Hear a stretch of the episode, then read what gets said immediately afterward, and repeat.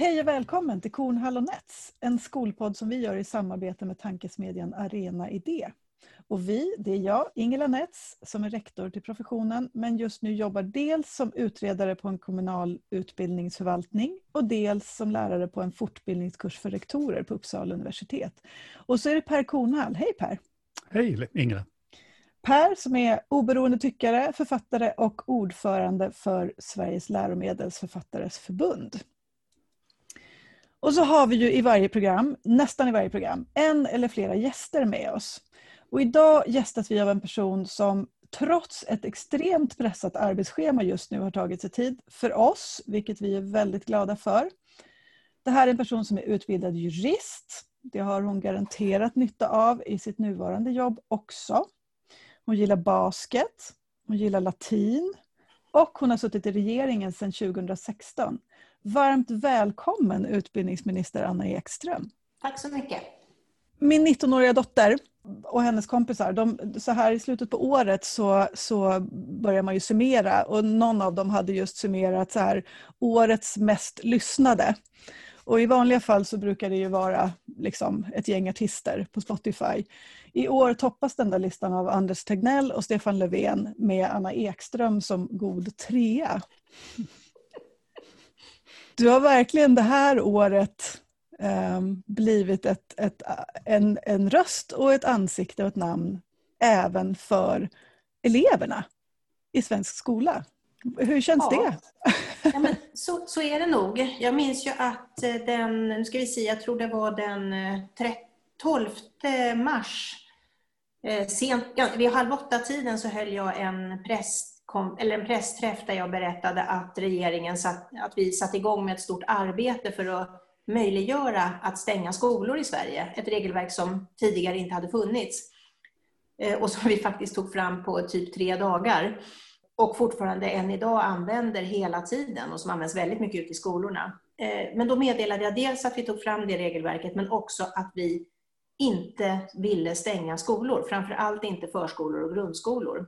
Och jag talade om skälen för det också. Och då var det faktiskt en god vän till mig som har en eh, 14-årig son som kom ner och eh, sa Farsan, stäng, byt kanal, jag måste kolla om... och ville titta på den här pressträffen då. Då blev han grymt besviken att vi inte stängde grundskolorna. Men eh, det är alldeles sant. Det är väldigt, väldigt många som har varit väldigt beroende och det har varit en, en otroligt tung tid för många i Sverige, men faktiskt också för mig eftersom jag har fått sitta och fatta, eller jag har fått fatta beslut som är nästan omöjliga att fatta. Mm. Men som måste fattas. Mm. Jag tror vi, vi, vi tänkte så här att vi, vi kommer att komma in på med lite några sådana här covid-frågeställningar, men vi vill börja en andra ända. Men, men, först vill jag börja med att, med att smöra för dig ännu mera. Eh, och, och, det är det att det finns en annan dimension i det här, inte bara barn och unga som har blivit vana vid att höra din röst. Det, är också, det finns ett annat tilltal från professionen när man pratar om, om din, dig som utbildningsminister jämfört med många tidigare. Alltså man kunde ju tidigare höra någon säga att ja, han och han sa det och det om en minister. Men när man pratar om det säger man ofta, påfallande ofta, så som Anna sa. Alltså att du, du ligger lite närmare, tror jag, professionen än, än, än många utbildningsministrar har gjort. Det vill jag bara ge dig cred för. Jag tycker det är påfallande att det är på det viset. Håller du med Ingela? Ja, men jag håller absolut med. Uh, och jag tänker att en, en, vi, vi pratade om det innan, innan Anna kom in i vårt samtal här idag, att, att vi, det här med skoltwitter och sådär. Och, och, långt innan jag var så engagerad där som jag är nu så, så var ju du Anna en av få ministrar och redan innan du blev minister eh, en person som, som, som verkligen har en, en liksom personlig ton i sociala medier. Eh, och jag tror att det, det bidrar nog till det här att, att det är många som känner att de, man liksom tycker att man känner dig lite grann. Fast det är rätt stor skillnad med nu och förr tycker jag ändå. Eh, så länge jag var på Skolverket så hade jag ju en helt annan eh, möjlighet. Det var mycket färre följare, det var, inte samma, det var absolut inte samma hetska ton heller. Den hetska tonen har jag ju egentligen inga problem med, men den gör det mycket svårare att svara på Twitter. Det är mycket lättare att svara när, när det var som det var förr, ett mer kollegialt samtal kollegor emellan. Men eh, absolut, jag, jag sköter ju Twitterkontot helt själv. Jag har inte ens lämnat bort koordinaterna till det till någon medarbetare. Så att, eh, men å andra sidan så hinner jag ju liksom inte svara och jag ser inte allt som skrivs heller. Det går inte när man, när man, när, med, med det här tempot som är för mig. Tänker men du? När Men det var väldigt, alltså den, jag har haft väldigt stor nytta av det och särskilt när jag var på Skolverket så var det ju, jag kommer ihåg att någon gång så var det någon som frågade mig hur jag såg på skoltwitter och då svarade jag att jag såg på det som en, en, en som kaffeautomaten i ett fikarum. Man går förbi, tar en kopp kaffe, snackar lite med kollegorna och sen går man vidare och jobbar den finns där hela tiden. Man kan liksom öppna den och kolla vad som händer, höra lite skvaller och få lite frågor, och få lite skäll och lite medhåll. Men man, eh, går man vägen runt och inte hittar in till den där kaff, kaffeautomaten så vet man ju inte vad som händer där heller. Så det var en kul liknelse tyckte jag själv. Men det kräver ju otrolig balansgång det här att hålla igång eh, så att säga, det sociala media också och samtidigt alla krav på dig som minister och och där är du väldigt tydlig, det är väl också en sak som jag tycker att du är skicklig på. Det är flera, naturligtvis ministrar, flera andra offentliga personer som är det. Då. Men, men just att du lyckas upprätthålla att man kan föra en, vad ska man säga, en quasi-privat diskussion som man inte svarar på de politiska frågeställningarna eller på krav på dig som minister. Samtidigt som du, ja, det måste du sköta i andra forum och sånt. Det är inte helt lätt det där, men, men det är ju beundransvärt att kunna göra det.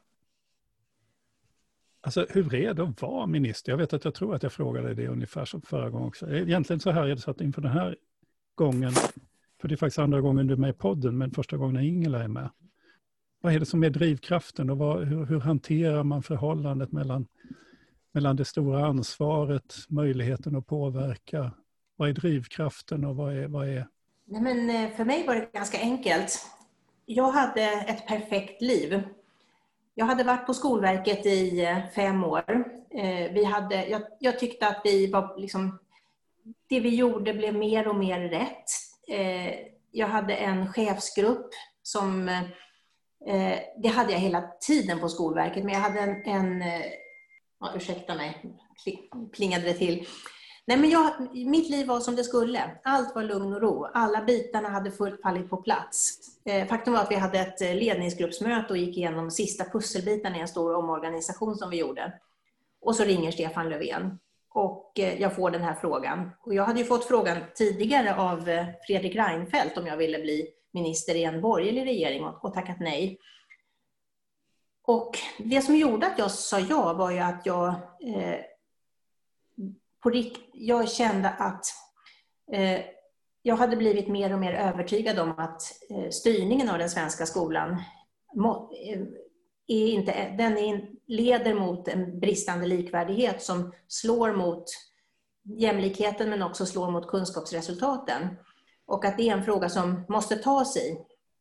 Och jag tänkte att jag skulle kunna ta i den frågan och jag visste att jag skulle att det skulle bli väldigt svårt, eh, både när det gäller det parlamentariska läget och när det gäller att det finns eh, här på det här området väldigt starka intressen. Men jag tänkte att eh, jag borde ha de förutsättningarna, så att då sa jag ja. Det var den frågan som gjorde att jag ville ta på mig det här stora, stora ansvaret. Och sen har ni ju dragit igång, nu ska vi säga att det ena, ni har ju också en historia, men det fanns ju ehm, kommunaliseringsutredning, det fanns OECDs utredning, det fanns skolkommissionen som, som Fridolin drog igång och så vidare. och så vidare. Och sen, men sen har ju du, eh, eller ni, verkligen lagt upp som en liten bombmatta av, av extrem, eller stora, tunga utredningar, eller hur? Och vad är tanken? Så att vi har likvärdighetsutredning, vi har gymnasieutredning, betygsutredning, sen har vi den här frågan med statligt huvudmannaskap, men det kan vi komma tillbaka till. Men, men de här utredningarna som är igång, det är tunga, stora utredningar, några av dem är just nu på remiss och så. Var landar vi? Ja, min tanke är att den, den, svenska skolan har under många års politiska diskussioner handlat väldigt mycket om vad som händer i, alltså om eh, rätt mycket symbolfrågor och rätt mycket sånt som egentligen är sånt som, en, som lärarna ska bestämma över. Och det är väldigt tacksamt. Tar man upp den typen av frågor då blir det debatt, det blir debattprogram, det blir ett automat, man får liksom vara med i, i eh, tv och radio hela tiden. Eh, Medan de här stora systemfrågorna, de är ju inte lika, de leder inte till att, man, att, att det blir de här, att det blir det här, så att säga, snabba nyhets eh, tempot i utbildningspolitiken. Å andra sidan är jag helt övertygad om att det är det som svensk skola behöver, är eh, faktiskt Inte bara att man putsar på, att man byter en, en trasig fönsterruta eller målar om en eh, vindskiva som har blivit lite flagig. Utan det som behövs är faktiskt stambyten. Det, det behöver, man behöver byta ut, man behöver göra ordentliga renoveringar, inte bara putsa på fasaden. Och därför så har jag ju satt igång med de här stora utredningarna. Och jag vill också säga att eh, en hel del av de här utredningarna startades under Gustavs tid som utbildningsminister. Så, så, det, det, är, så det här är verkligen ett teamwork. Och jag har också tänkt som så att när det gäller de här stora systemfrågorna så är det, ska vi till exempel stärka likvärdigheten, då, då handlar det om eh, ersättningssystemet som finns i Åstrands utredning. Det handlar om antagning och urval som finns i Åstrands utredning. Det handlar också om de här stora tillträdesreglerna som finns i Stjernquists utredning, betygsfrågorna som vi har i Tolins utredning och, det handla, och sen handlar det förstås om, om vinsterna också, men, men de har vi ju, där, där kommer vi ju inte att lägga fram förslag under den här mandatperioden. Det har vi lovat och det ska vi hålla. Och det hade dessutom inte lett någon vart eftersom vi vet så väl hur riksdagsmajoriteten ser ut. Vi ska, vi ska lämna vinsterna därhän ett litet tag. Vi har, vi har en liten kort kommentar om det eftersom vi pratade med, med Håkan Wiklander häromdagen eh, från Idéburna friskolors riksförbund. Så det är ganska intressant. Men, men det är ju så att ändå att väldigt, väldigt många av de här utredningarna pekar ju åt samma håll. Och det är också OECDs utredning pekar ju åt samma håll. Eh, men återigen, och det har vi säkert varit någon gång, hur kommer det sig att vi, att trots att lärarfacken pekar med hela handen i den här riktningen, att skolledarna pekar i den här riktningen, OECD pekar i den riktningen som de här utredningarna lägger fram och så vidare och så vidare. och så vidare. Att det hittills i alla fall, för, för jag ska också säga att jag tycker det finns någon sorts skiftning i tonen nu på, på många håll, så har det varit så himla svårt att nå fram i debatten. Alltså, vad, är, vad, är det som, vad är det som gör att man inte lyssnar på lärarna? Nej, men eh, jag skulle nästan vilja säga emot dig där Per jag tycker att skoldebatten ända fram till alldeles nyligen i väldigt stor utsträckning har handlat om andra saker. Det har handlat om kepsar i klassrummet och det har handlat om eh, ord i läroplaner. Det, jag tycker att det är, eh, jag tycker att det är nu, det, vi, det, har, det har varit liksom en bubblande debatt kring likvärdighetsfrågorna som har blivit viktigare och viktigare. Och nu när de här utredningarna finns framme så tycker jag också att det är en, en, väldigt intressant riktning som vi ser i den svenska skoldebatten. Det känns som att tiden är liksom lite mogen för att ta i likvärdighetsproblemen.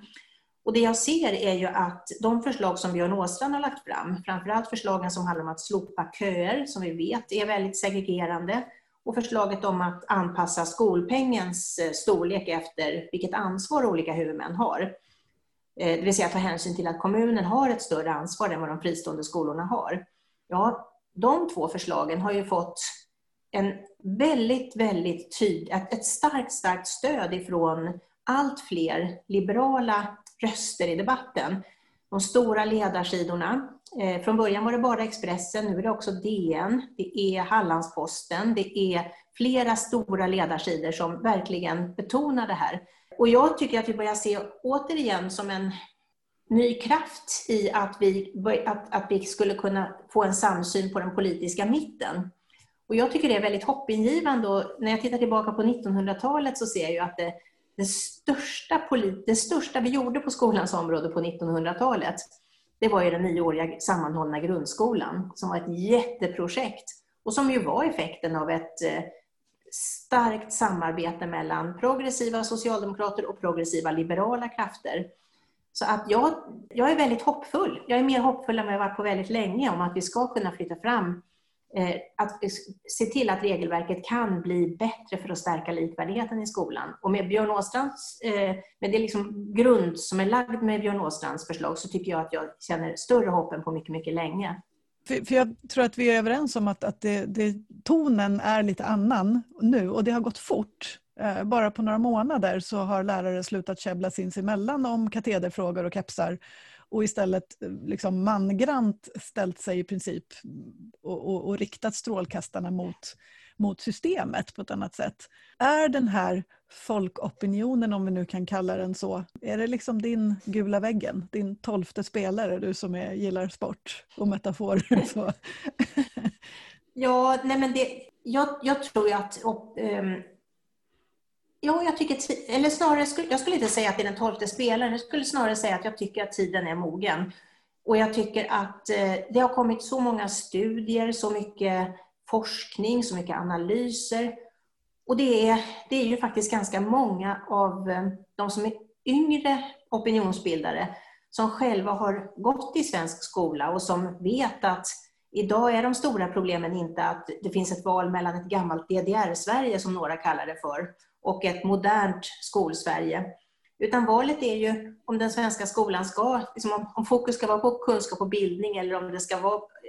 Den, den nya debatten är ju mycket, mycket mer sofistikerad än så.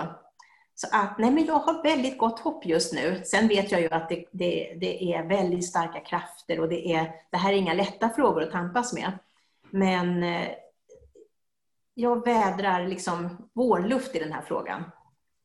Jag tror att den där historiska beskrivningen är ganska viktig som du gör. Att den svenska skolan byggdes inte av socialdemokratin, även om socialdemokratin satt vid makten, utan det var, ju, det var ju i hög grad, precis som du beskriver, stora riksdagsmajoriteter bakom de avgörande besluten för svensk skola. Det var ett gemensamt projekt, det har aldrig varit ett liksom, ensidigt projekt. Det är viktigt för, för borgerligt sinnade människor. Det tror jag att någonstans i bakhuvudet så vet man att det är så, men, men det är viktigt med den historieskrivningen faktiskt. Det är på det viset. Jag har ju roat mig lite grann med att läsa igenom några, eller skumma igenom, ni läser dem mycket mer noggrant, med remissvaren på Åstrands utredning och det har ju varit jätteroligt faktiskt. Jag kan ju se att de flesta, om vi bortser då ifrån de som har ekonomiska intressen som är negativa, så är ju påfallande väldigt, så är det som du beskriver, det är ju väldigt, väldigt positiva. Man stödjer väldigt ofta de här centrala delarna. Eh, eller många av de centrala delarna. Inte minst tycker jag, om jag ska göra reklam för att någon ska gå in på, er, på hemsidan och leta reda på det. IFAU, det är Institutet för arbetsmarknadspolitiska och utbildningspolitiska utredningar, utvärderingar. Eh, alltså de, det är ju ett mönster av klarhet och tydlighet också i deras remissvar. Och det är tydligt. Konkurrensverket säger ja, tycker att det här ser bra ut. Eh, och sen har vi naturligtvis lärarfacken och så vidare.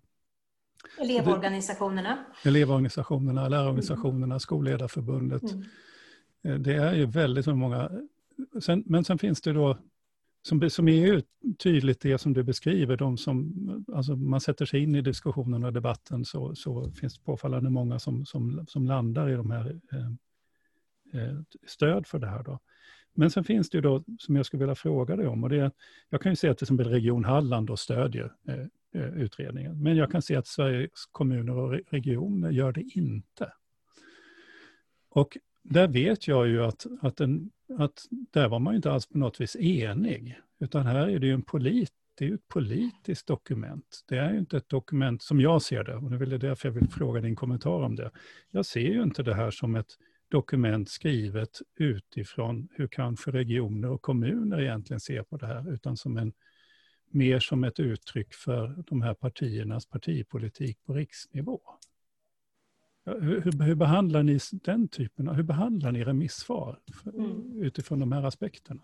Nej, men remissvar är viktiga och också SKRs remissvar är viktigt. Men eh, det är också så att när man tittar på remissvaren så ser man att det finns ju stora, inte bara regioner utan också stora kommuner med en antingen blocköverskridande eller borgerlig majoritet som är positiva till Åstrands förslag.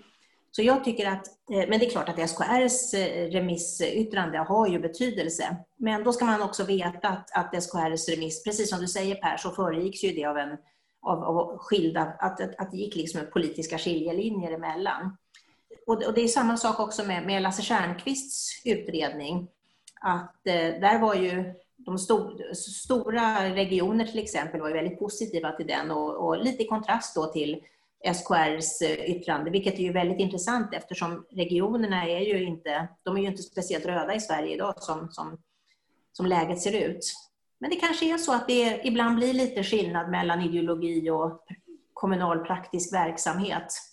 Så både, man får svara lite diplomatiskt då, att ja. det, båda är ju intressanta. Ja, och, och, det, Stjernqvist var ju också intressant ur den synvinkeln att, att Svenskt Näringsliv ställer sig bakom den, vilket ja. där de så att säga tar näringslivets eh, försörjnings, alltså försörjning av, av utbildning. Som att de tog samhällsperspektivet istället för enskilda företags syn på det hela. Det är väldigt intressant. Men det, det, är alldeles, det, är, det är jätteintressant och det förvånar mig inte alls eftersom jag har ju träffat så många arbetsgivare som säger att kompetensförsörjning är deras absolut största problem och det som verkligen måste lösas. Men det som också är lite intressant är att eh, nu med de här utredningarna framme så tycker jag att vi hamnar i ett sånt intressant läge där vi diskuterar, istället för att diskutera 100% A eller 100% B och så är vi ovänner om det och, och står och skriker åt varandra så ligger det ju faktiskt ett antal förslag på bordet som handlar om hur man kan förbättra dagens system och göra det på ett sådant sätt så att vi stärker kompetensförsörjningen istället för att bara bråka om vilket system som är bäst. Och det tilltalar mig. Jag gillar det där pragmatiska, praktiska, att man hittar vägar framåt. Eh, så, så jag, jag, tycker att det ska bli så spännande att jobba nu med de här två utredningarna och se om, om, det, fin, om det finns en möjlighet att, att få igenom förslagen i riksdagen. Det skulle vara väldigt, väldigt roligt. Hur funkar det rent, rent praktiskt när, när, när du och, och, din stab jobbar med de här utredningarna? Alltså bara Björn Åstrands utredning är ju på 1400 sidor eller något sånt där. Läser du allt? Eller har du någon annan som läser åt dig och sammanfattar? Hur funkar det? För jag menar, du har också bara 24 timmar per dygn. Ja. Jag, kan jag får väl avslöja det då, att jag läser verkligen inte allt. Långt därifrån. Men eh, jag har en hyggligt bra koll ändå och de viktiga sidorna har jag baske mig läst. Och sen har jag ju medarbetare som är fruktansvärt bra på de här sakerna. Jag har eh, tre politiskt sakkunniga som är ruggigt, ruggigt insatta och som kan, kan liksom ner på detaljnivå. Jenny Larsson, Petter Ådahl och Mattias Samuelsson som är, frukt, de är otroligt kunniga på det här. Så jag känner mig jättetrygg med det underlag jag får. Men jag erkänner, jag läser inte allt det hade inte varit mänskligt om du hade gjort mm. det, så det kändes ganska skönt faktiskt. Vi pratade som sagt med, med Håkan Wiklander från de idéburna. Eh, jag ställde en fråga till honom. Ser ni Anna Ekström som vän eller fiende? Vad tror du att han svarade? Ja, precis. Vad tror du? Mm, men Håkan svarade nog att de ser mig som vän. Det ja. skulle jag bli förvånad över något annat. Ja, det gjorde de. Mm. Eh, och de har ju ett annat perspektiv, än, alltså det är ett annat, helt annat perspektiv. Vi, vi sa ju också det så här, är det, är det inte era eh, organisationer, era skolhuvudmän som den här reformen en gång skapades för? Och vad säger du om den frågan? Var det inte så? Var det inte egentligen det lilla förbundet som var tanken? Alltså inte det att de skulle vara små, utan just den typen av organisationsform. Jo, men från början så var det ju så. Från början så, det finns ju flera uttalanden från eh, friskolereformens barndom som handlade om att man, eh, att, det, det, att man riktade in sig på små ideella aktörer. Och eh, jag, är, jag är ju själv en varm förespråkare för att vi ska ha fristående skolor i Sverige. Jag tycker att det behövs i det svenska skollandskapet. Och eh, jag har varit väldigt, väldigt noga under hela min tid med att se också till de, så att säga, i den mån som fristående skolor eller kommunala skolor eh, bidrar med verksamhet som för svensk skola framåt så är det enbart av godo. De lärare, de rektorer och de huvudmän, som, alltså de som arbetar inom fristående skolor, de gör ju jättestora insatser för svensk skola. Mitt problem har sällan varit själva skolorna, utan mitt problem har ju varit att styrningen har varit inriktad på, att, på att eh, belöna fel beteende, belöna konkurrens istället för samverkan. Och eh, där är jag ju fortfarande helt övertygad om att det går att göra framsteg, också med till exempel med Åstrand och Stjernquist som, som grund, som, som kan bevara att vi har en möjlighet att välja skola i Sverige och bevara att vi har fristående skolor, men eh, se till att vi kan ha ett system som, som styr mot kunskap och bildning. Men där har ju, och då, vinstfrågan är ju levande, om vi talade skoltwitter innan, vinstfrågan är ju väldigt levande i sociala medier. Jag tänkte på, och det pratade jag med, med Håkan också, att det här, Gustaf Fridolin skrev ju ett Facebook-inlägg där han berättade hur han som minister mötte representanter för de här engelska Academy-skolorna, som ju är friskolor men som drivs på uppdrag. Då. Och där han beskriver hur han då frågar dem, vad gör ni med pengar som blir över? Och det här kan ju nämna för den som lyssnar att de här skolorna oftast pekas ut just som, som bevis på att det är bra med friskolor eh, generellt i den svenska debatten, alltså, och, och vinstdrivande friskolor inte minst. Och så. Eh, Timbro och andra har pekat på de här skolorna. Då tittar de på honom som att han var tokig. och så säger de till honom att, att vad då blir över? Eh, våra elever behöver, behöver allt vi har. Ja, men om det ska bli över så blir det liksom bra med liksom vinst. Och så där. Vi är inga tjuvar, sa de. Men vad för mig det väckte mig det här, det är därför att jag vid så många möten med internationella forskare mötts av deras förvåning, vare sig de är tyskar eller amerikaner eller engelsmän, just över vinstmotivet. Nu vet jag att du inte kan säga någonting om politik och sånt, men den här reaktionen från forskare utomlands ifrån när de förstår att vi tar bort pengar från eleverna i det svenska systemet. Känner du igen den? Ja, men visst. Det, det, det är ju det som är Eh, det är det jag hela tiden återkommer till, att det som, eh, det som särskiljer det svenska systemet från andra skolsystem, det är inte enbart eh, det sättet som vi har lagt upp vårt skolval på. Det finns länder där man har urval och antagningsregler som liknar våra.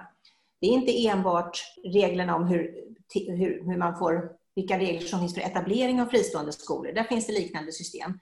Det är inte enbart att, att, att vi har en skolpeng som eh, på, på, ett eller annat sätt ändå följer med eleven. Det finns också i andra länder.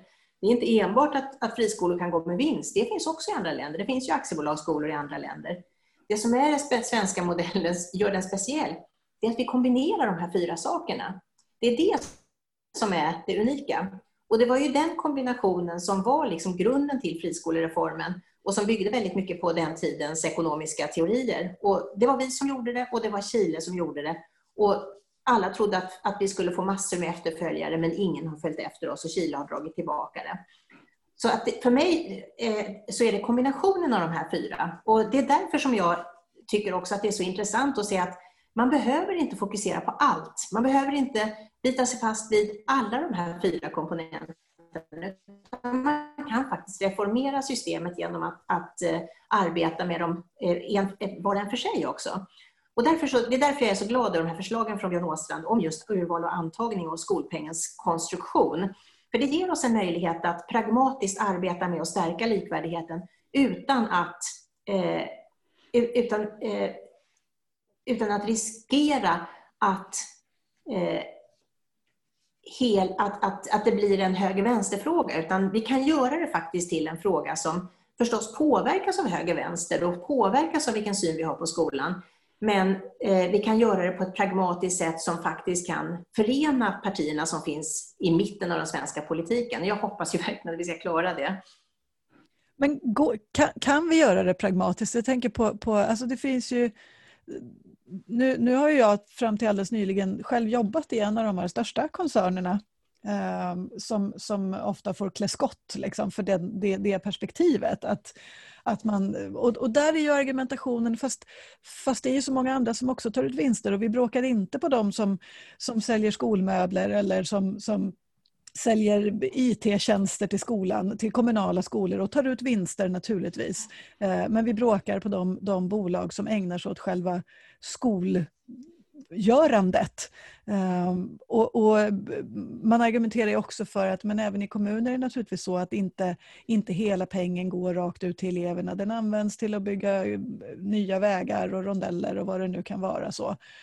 Så att, hur, det blir många frågor i en här, men, men jag är så nyfiken på det här med, med, med alltså lobbyismen och det man ofta argumenterar för, tycker jag, att, att de här friskolekoncernerna har stora muskler när det gäller sitt lobbyarbete. Um, går det att vara pragmatisk i en sån kultur? Och hur, hur navigerar du i det? Men jag försöker ju vara pragmatisk och ideologisk som ni kanske märker. Eh, men eh, jag inser ju också att om, om, jag, om, jag, ska, om jag säger att eh, i, i, val, eller så här, i valet mellan att eh, eh, säga nej till alla pragmatiska förslag som kan göra skolan bättre här och nu, eh, för att istället kämpa för en utopiskt helt annorlunda skola, Jag menar, där är jag pragmatiker. Jag säger hellre ja till förbättring, små förbättringar här och nu än till eh, eh, lysande förluster. Eh, jag tar hellre en liten, en, en, ett, ett litet framsteg med ett riksdagsbeslut än att jag går till riksdagen och får stryk och, och står och slår mig för bröstet och talar om hur duktig jag är som ändå la fram det här förslaget.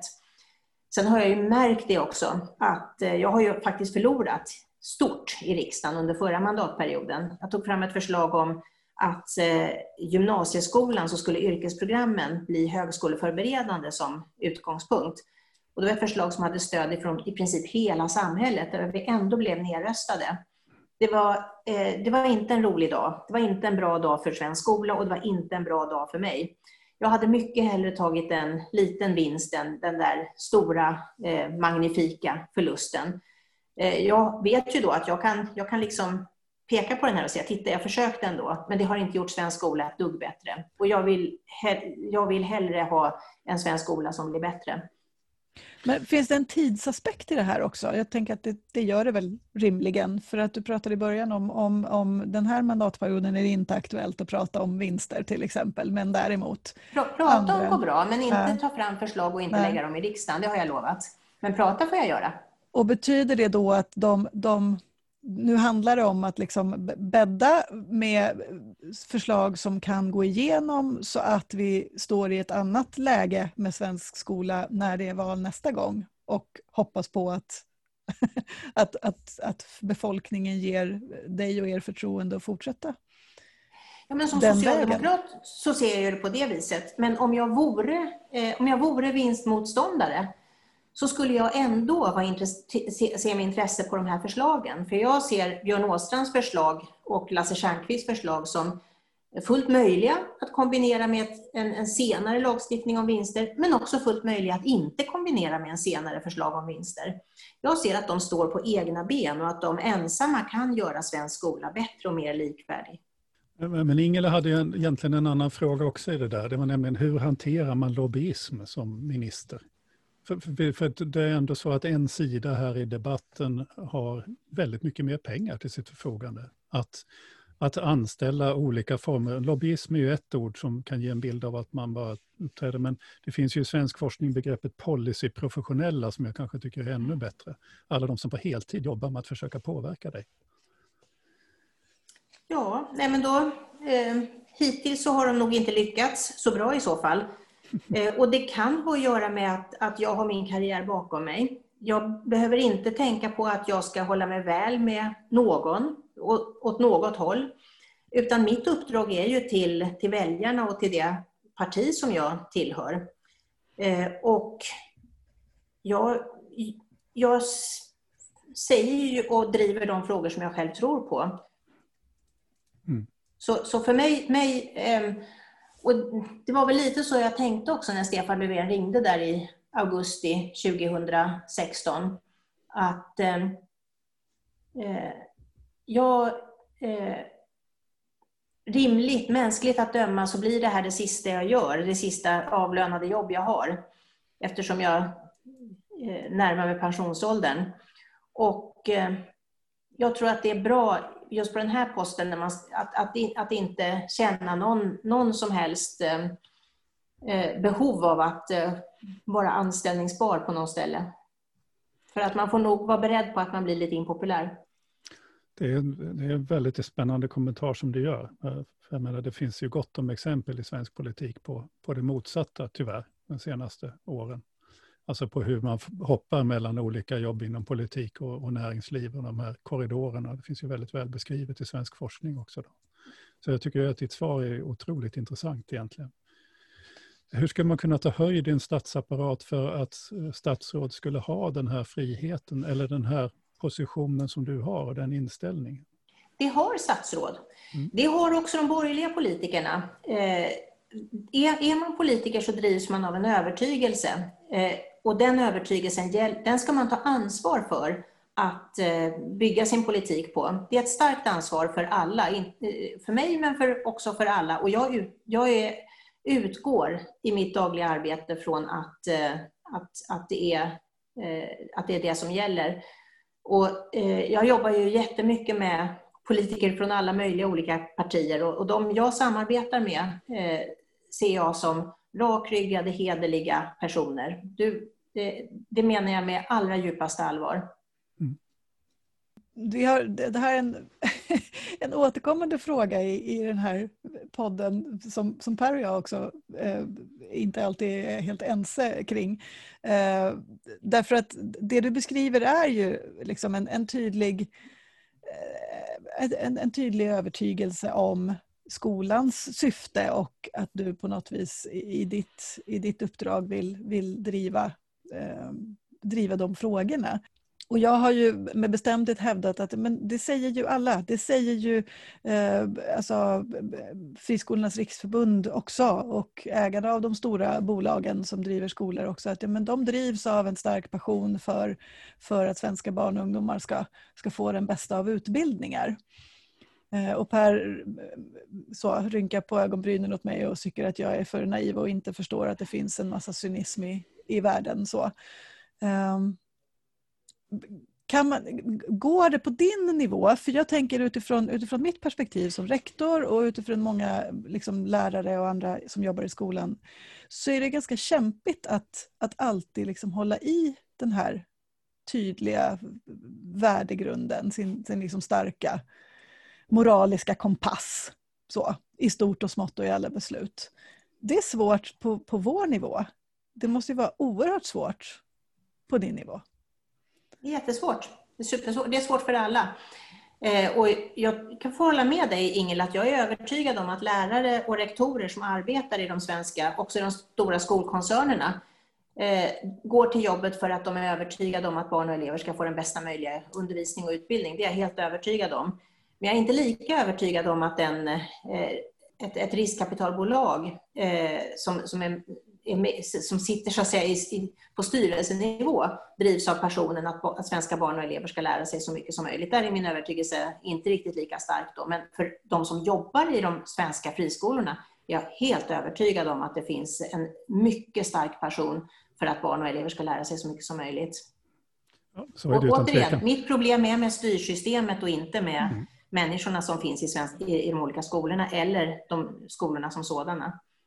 Så är det utan tvekan. Alltså det, eh, ja, vad det är som driver en, framförallt de som driver de som faktiskt är i kontakt med barn och elever är ju mm. någonting helt annat än ändå. Mm. Men, men det jag har problem med, det jag brukar säga till Ingela, det är ju att den här svenska ska säga, naiviteten i styrsystemet, att om vi bara säger till kommunerna att vara snälla så är de snälla.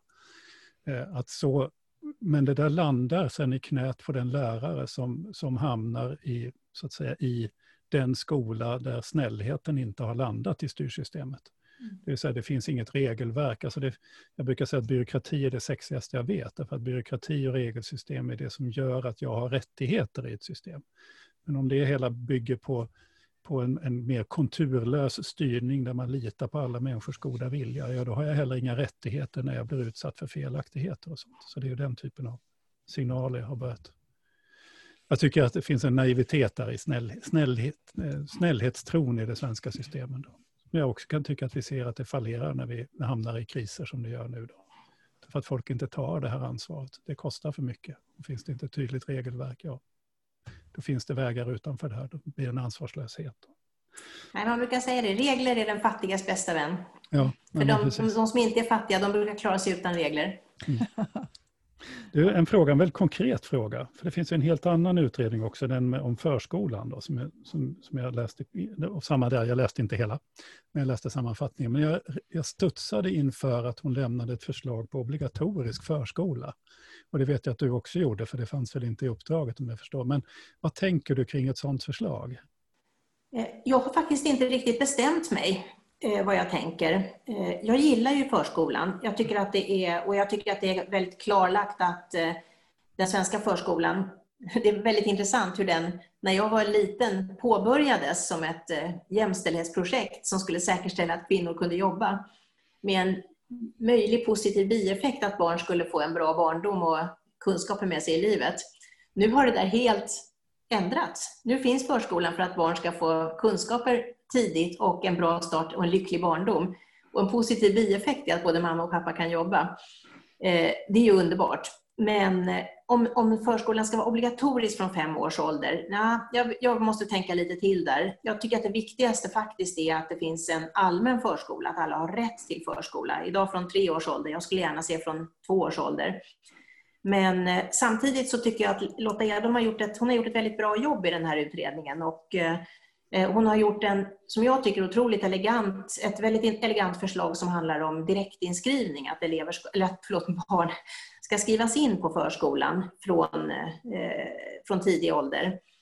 Eh, det förslaget är jag jätteintresserad av. Men om man också ska ha förslaget om obligatorisk förskola. Jag vill inte stänga dörren, men jag vill heller inte säga direkt ja. Det kräver väldigt mycket eftertanke och det kräver också rätt mycket eh, det, det för med sig många andra saker som handlar om skolskjutsar och skolmat. Och det, det är en stor fråga. För, och det handlar ju faktiskt också om, om något så viktigt som att, eh, för, att, att vi har skolplikt från sju års ålder med förskoleklass från sex års ålder. Och att eh, sänka det ytterligare ett år, det är en jättestor fråga. Så jag vill, jag vill inte sätta ner foten. Och det är ju en förskola som ju ändå har väldigt, väldigt högt deltagande. Mm. Eh, där man vill egentligen vill komma åt något annat med det här obligatoriska, det vill säga att det är vissa barn som man helst skulle vilja ge en bättre språkutveckling. Så att, ja. Och sen finns ju, jag tycker det finns en till aspekt också. Det är att det är som att vi tar ibland för givet att den svenska förskolan den är så omtyckt och så bra. Eh, men tänker, tittar man, skrapar man på ytan så ser man ju att det finns, eh, det finns ju behov av att stärka kvaliteten också. Och det där är en balansgång som jag tycker man måste gå eh, innan man, innan man sätter igång och bygga ut ännu mer och öka, öka antalet platser så att säga, i förskolan så är det viktigt att se till att det finns en kvalitet. Och där finns det ju rätt mycket tecken som pekar på att särskilt barn som går i förskolan i det som vi kallar för utsatta områden, där brukar förskollärartätheten och eh, e-, de, de, er, de mest erfarna förskollärarna brukar inte jobba där och det brukar vara Eh, så, så, så jag, man måste fundera på kvaliteten också. Mm. Jag tycker det blev så tydligt här nu i, i i spåren av, av eh, ett av alla många eh, beslut kopplade till covid-pandemin som, som du har, har varit med och fattat och sen presenterat bara senaste veckan så, så har jag suttit i samtal med ett antal rektorer ehm, där, och ganska många förskolerektorer. Som, och så har jag passat på att fråga då, vad får det här för konsekvenser? Ser ni direkt någon konsekvens ute hos er nu? Det här att barn ska hållas hemma om någon i familjen är sjuk. Mm. Och, och, och, en av dem som jobbar i ett utsatt område eh, svarade direkt spontant, ja, men mest för att vi blir oroliga att barn som verkligen behöver vara här inte kommer att vara här. Så precis det du säger tror jag är, det är, det är verkligen en realitet. Mm. Eh, som handlar om om så många saker om, och, i, i liksom kommunikation och, och någon sorts samhällelig förståelse för eh, förskolans roll. Mm. Och då är vi tillbaka i de här ideologiska frågorna. Varför har vi mm. förskola? Vad, vad är liksom huvudsyftet? Mm. Och förskolan är ju... Nej, jag avbryter inte en minister. jo, du gjorde det alldeles nyss. Det gick alldeles utmärkt. Kör Per. Ja, nej, jag bara tänkte på det att du sa att det här var ett, likvärdigt, ett jämlikhetsprojekt från början. Och det måste väl ändå vara ett av de mest lyckade sådana projekt som man överhuvudtaget kan hitta exempel på. Alltså I många länder är ju förskola ett debattämne, alltså det är en politisk skiljefråga. Men förskolan i Sverige ställer hela det politiska spektrat upp bakom. Mangrant, eller hur? För vi har faktiskt kommit så pass långt att vi, vi vill att alla människor ska kunna arbeta om de vill det. Eller hur? Förut, förutom då de återkommande kraven på, på vårdnadsbidrag istället för Ja, ja jo, men det är ändå ja, en nej, liten, liten sektor. Nej, okej. Okay. Mm. mm. Ja, jag får ta tillbaka det. Men, men om du tittar, den klassiska skiljelinjerna i många andra länder ligger betydligt längre bort ifrån mm. det spektra som mm. vi ser i Sverige. Då. Nej, och det, eh, om, om 1900-talets riktigt största skolpolitiska reform var nioårig grundskola så skulle jag nog sätta för, den stora förskolan, alltså att förskolan blev en skolform eh, som, som nummer två. Eh, och eh, värt att komma ihåg är också att grund, nioårig grundskola och förskolan var båda eh, i kombination då också med, med föräldrapenningen som byggdes ut och blev mer och mer jämställd det var båda två projekt som drevs på den politiska mitten där liberaler och eh, socialdemokrater och eh, de, mittenpartierna verkligen drog de här frågorna. Mm. Medan, eh, ja, kan jag väl säga lite, både kommunaliseringen och, och friskolereformen var partiskiljande och konfliktfyllda projekt. Mm. Ja, men verkligen. nu måste, nu, alltså vi har inte så många minuter kvar. Vi måste komma tillbaka till, till det här med coronasituationen innan vi slutar. När vi pratade, skulle prata med någon från er, eh, från utbildningsdepartementet i våras, då hade du absolut inte tid. Och vi fick några minuter med en väldigt, väldigt hårt arbetande Erik Nilsson. Ehm, och nu när vi bjöd in till det här, då tänkte vi eh, då att nej, men nu är det lite lugnare på utbildningsdepartementet. Men, men, eh, men ledtiderna för ett utbildningsdepartementet, nu har vi hamnat i en helt annan situation igen.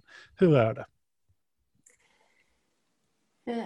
Nej men det är väl för mig som för eh, väldigt många i Sverige just nu, att det är väldigt hårt, hård press och eh, väldigt hårt arbete och väldigt svårt arbete. Eh, och väldigt svåra beslut. Men det, jag, jag är övertygad om att det är någonting som gäller för väldigt många. Ja men absolut, visst är det så. Och jag är ju jätteglad för de här besluten och det vet du som fattades under veckan. Både det här förskolebeslutet och nu eh, gymnasiet. För det, det kändes väldigt konstigt att skicka min dotter till en, en stor gymnasieskola där, där det gång på gång också fanns smittspridning. Eh, samtidigt som jag inte träffar mina vänner och sånt. Det finns någon sorts brist till logik i det här som, som jag tyckte var väldigt, väldigt ansträngande. Då. Uh, men det är fortfarande så att, jag menar om jag, jag bara ser flödet i mitt Facebook-flöde så ser, så ser jag att, att en, en till exempel en skickade en julhälsning från en rektor, det sista brevet, ett av de sista breven här på julen, ett veckobrev från en rektor. Som, som, vi har satt upp markeringar på golvet, vi har placerat ut handsprit. Och så kommer, tyvärr miss, missköts handspriten genom att elever på skolan har eldat, tömmer och stjäl spriten. Det är det officiella budskapet. En annan kompis säger att det blir så kaotiskt för att vi har mellanstadiet och högstadiet i samma lokaler jag ska rastväkta när jag lämnar högstadiet. När jag har rast så får jag springa ut och hjälpa till på rasterna på mellanstadiet för de bråkar, men då blir det kaos inne på högstadiet.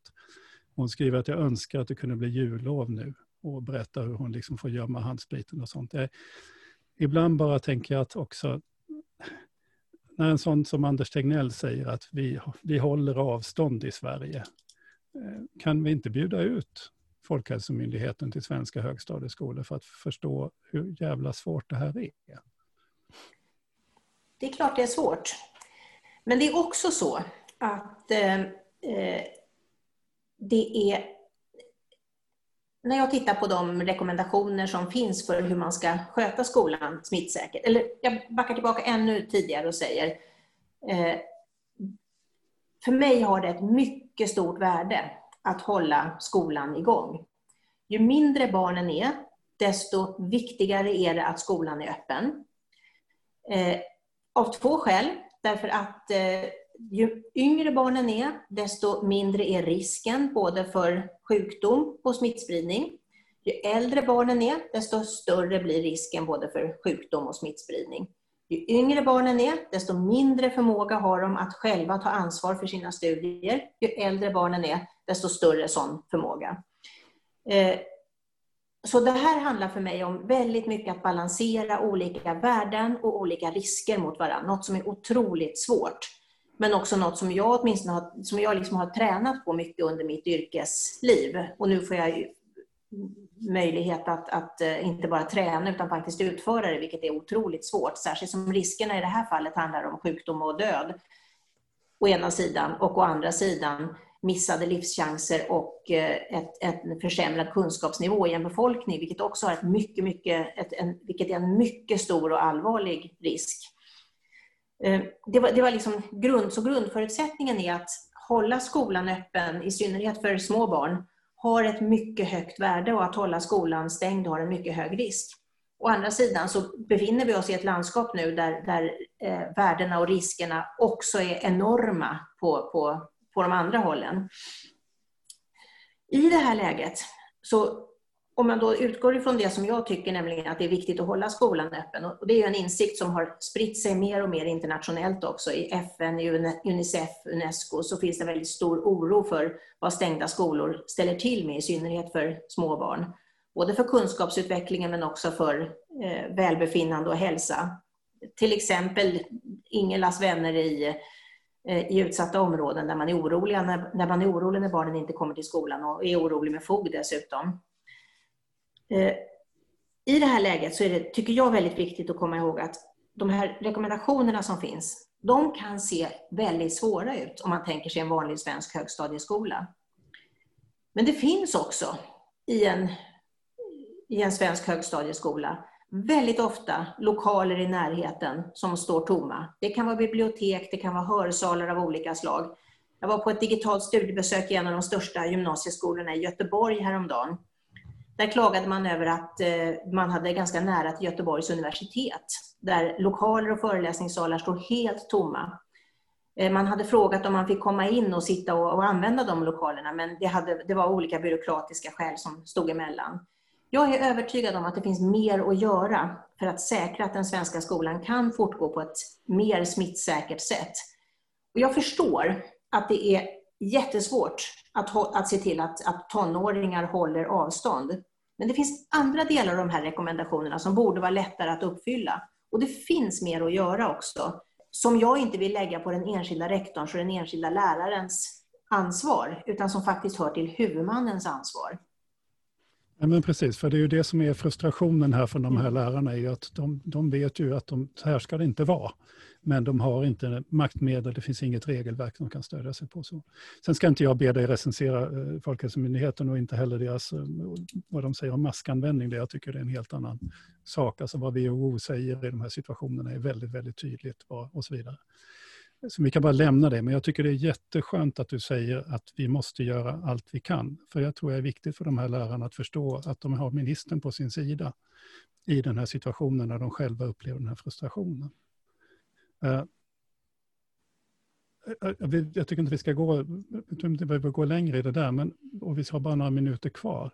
Men jag skulle fråga dig, som inte fanns på listan, har du en julhälsning? Till de som lyssnar på det här programmet och som nu jobbar i den svenska skolan? Ja, och den julhälsningen får väl vara så här att ehm, eh,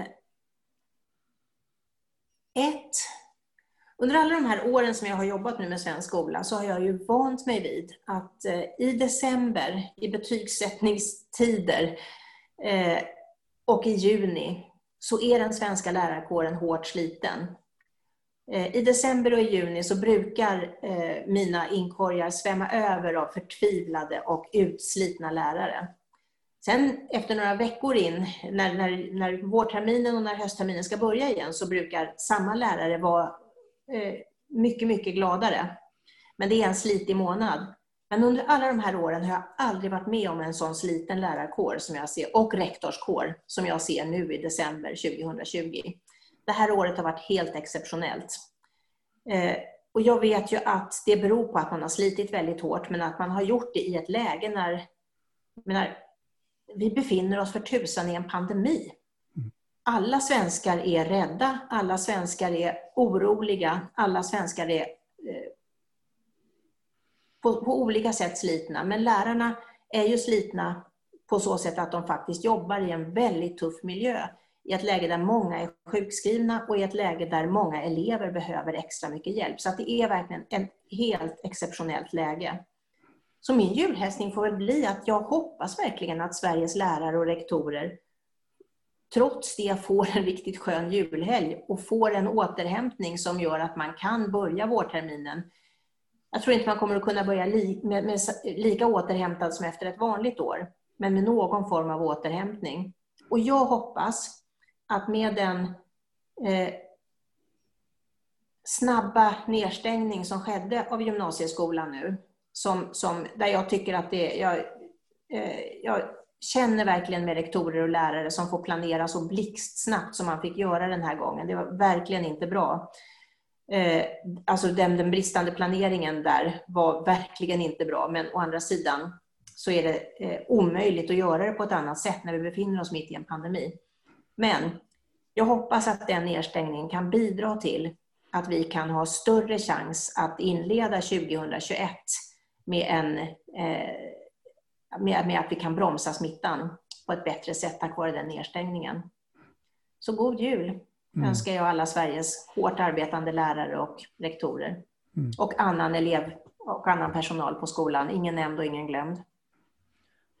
Och vi säger... Jag säger inte med käcka leenden utan med Nej. ganska ledset ansikte. Ja, det här är en hemsk tid vi lever i och det ska vi vara medvetna om. Så jag hoppas verkligen att ni får en så god jul som möjligt.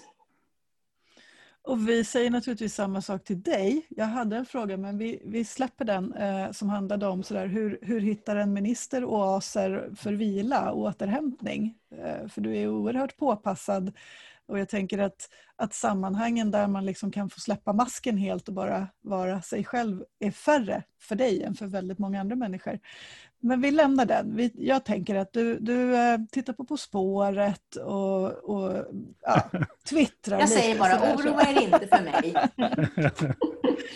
Men med det, tusen tusen tack, tusen, tusen tack Anna Ekström för att du tog dig tid trots det här läget och trots att, att du naturligtvis är precis lika sliten som alla, alla andra i skolans värld så här precis före, före ett jullov. Um, varmt lycka till med eh, det fortsatta arbetet. Vi följer eh, noga och nära vad som händer med alla, alla förslag och alla remisser och all, allting som är på agendan just nu. Eh, och så håller vi alla tummar och tår för att vi slipper förhålla oss till pandemin framåt vårkanten. Att vi faktiskt kan bara göra skola som vanligt igen. Och är det någonting vi kan i Sverige så är det att vaccinera folk. Det är vi duktiga på, glöm inte det. Mm. Det är bra. Mm. Tack snälla. Tusen tack. tack. Hej då. Ha det så bra. Hej då. Och god jul. Tack detsamma. God jul.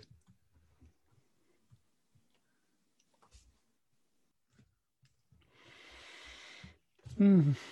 Ja.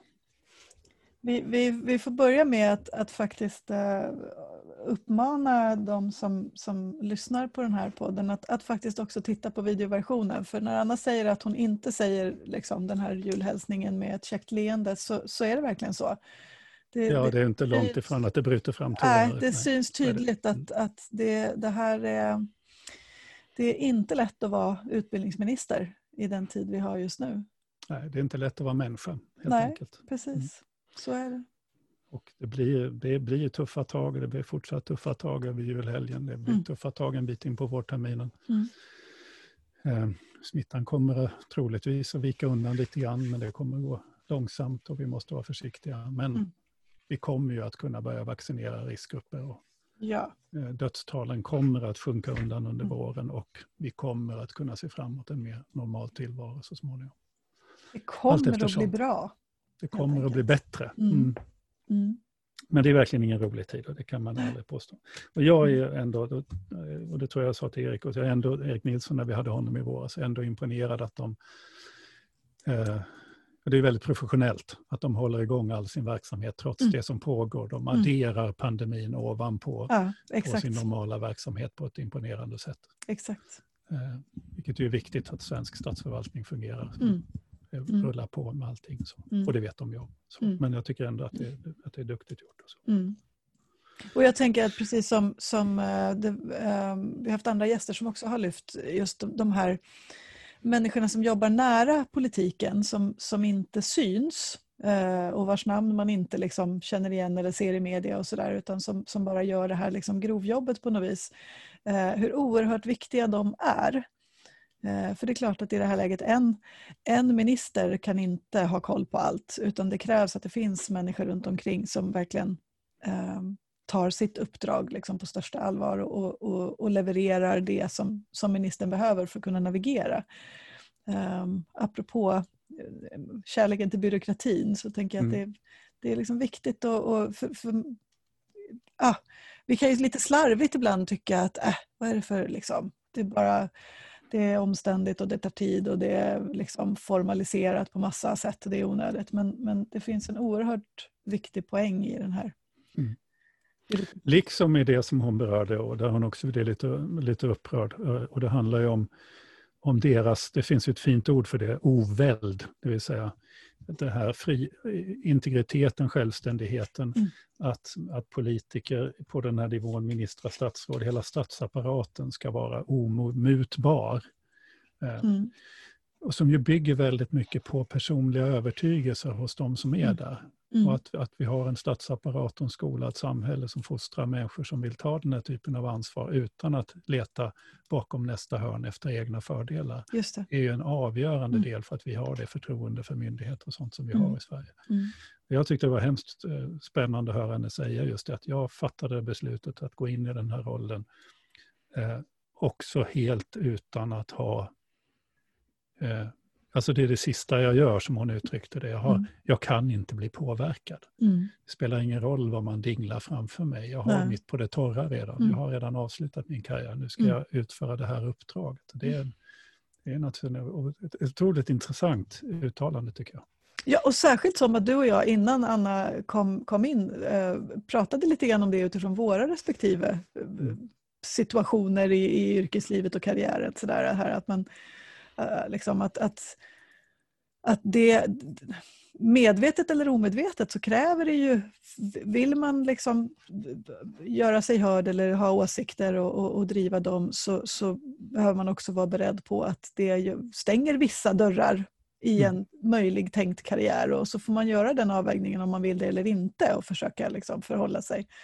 Och det, ja, men det var befriande på något vis att höra Anna mm. beskriva att hon Sen hade jag ju velat, men jag vill inte ta det på henne, för det är inte liksom hennes bord egentligen, men jag hade ju velat lyfta jag menar, exempel som att vi hade skolkommissionen där mm. en medlem i skolkommissionen läcker uppgifter i mm. förväg innan mm. de lämnar ut sitt. Och han mm. fick nu en styrelsepost i Kunskapsskolan, det är Tobias mm. Krantz och sånt. Alltså vi mm. har ju exempel på de här vad ska jag säga, vänskapsnätverken, mm. belöningssystemen i det politiska systemet i Sverige. Det är bild ut, om vi säger inte, inte det närmaste nu inne i riksdagshuset eller regeringen, men, men det finns hela tiden där, den här typen av strukturer.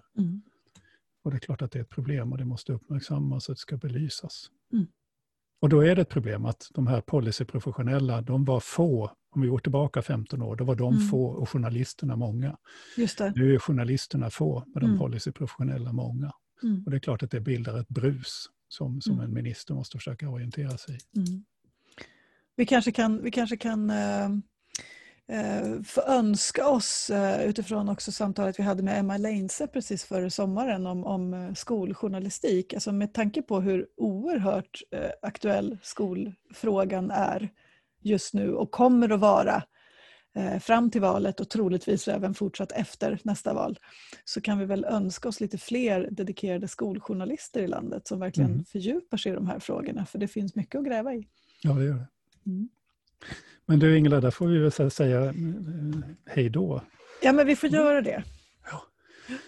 Och det är inte det sista avsnittet då, som vi sprider. Vi kommer väl ha ett avsnitt till innan, innan jul, så vi, vi kan väl hålla oss ifrån julhälsningarna kanske. Men, det, eh, ja, det, men eh, annars så gör vi det.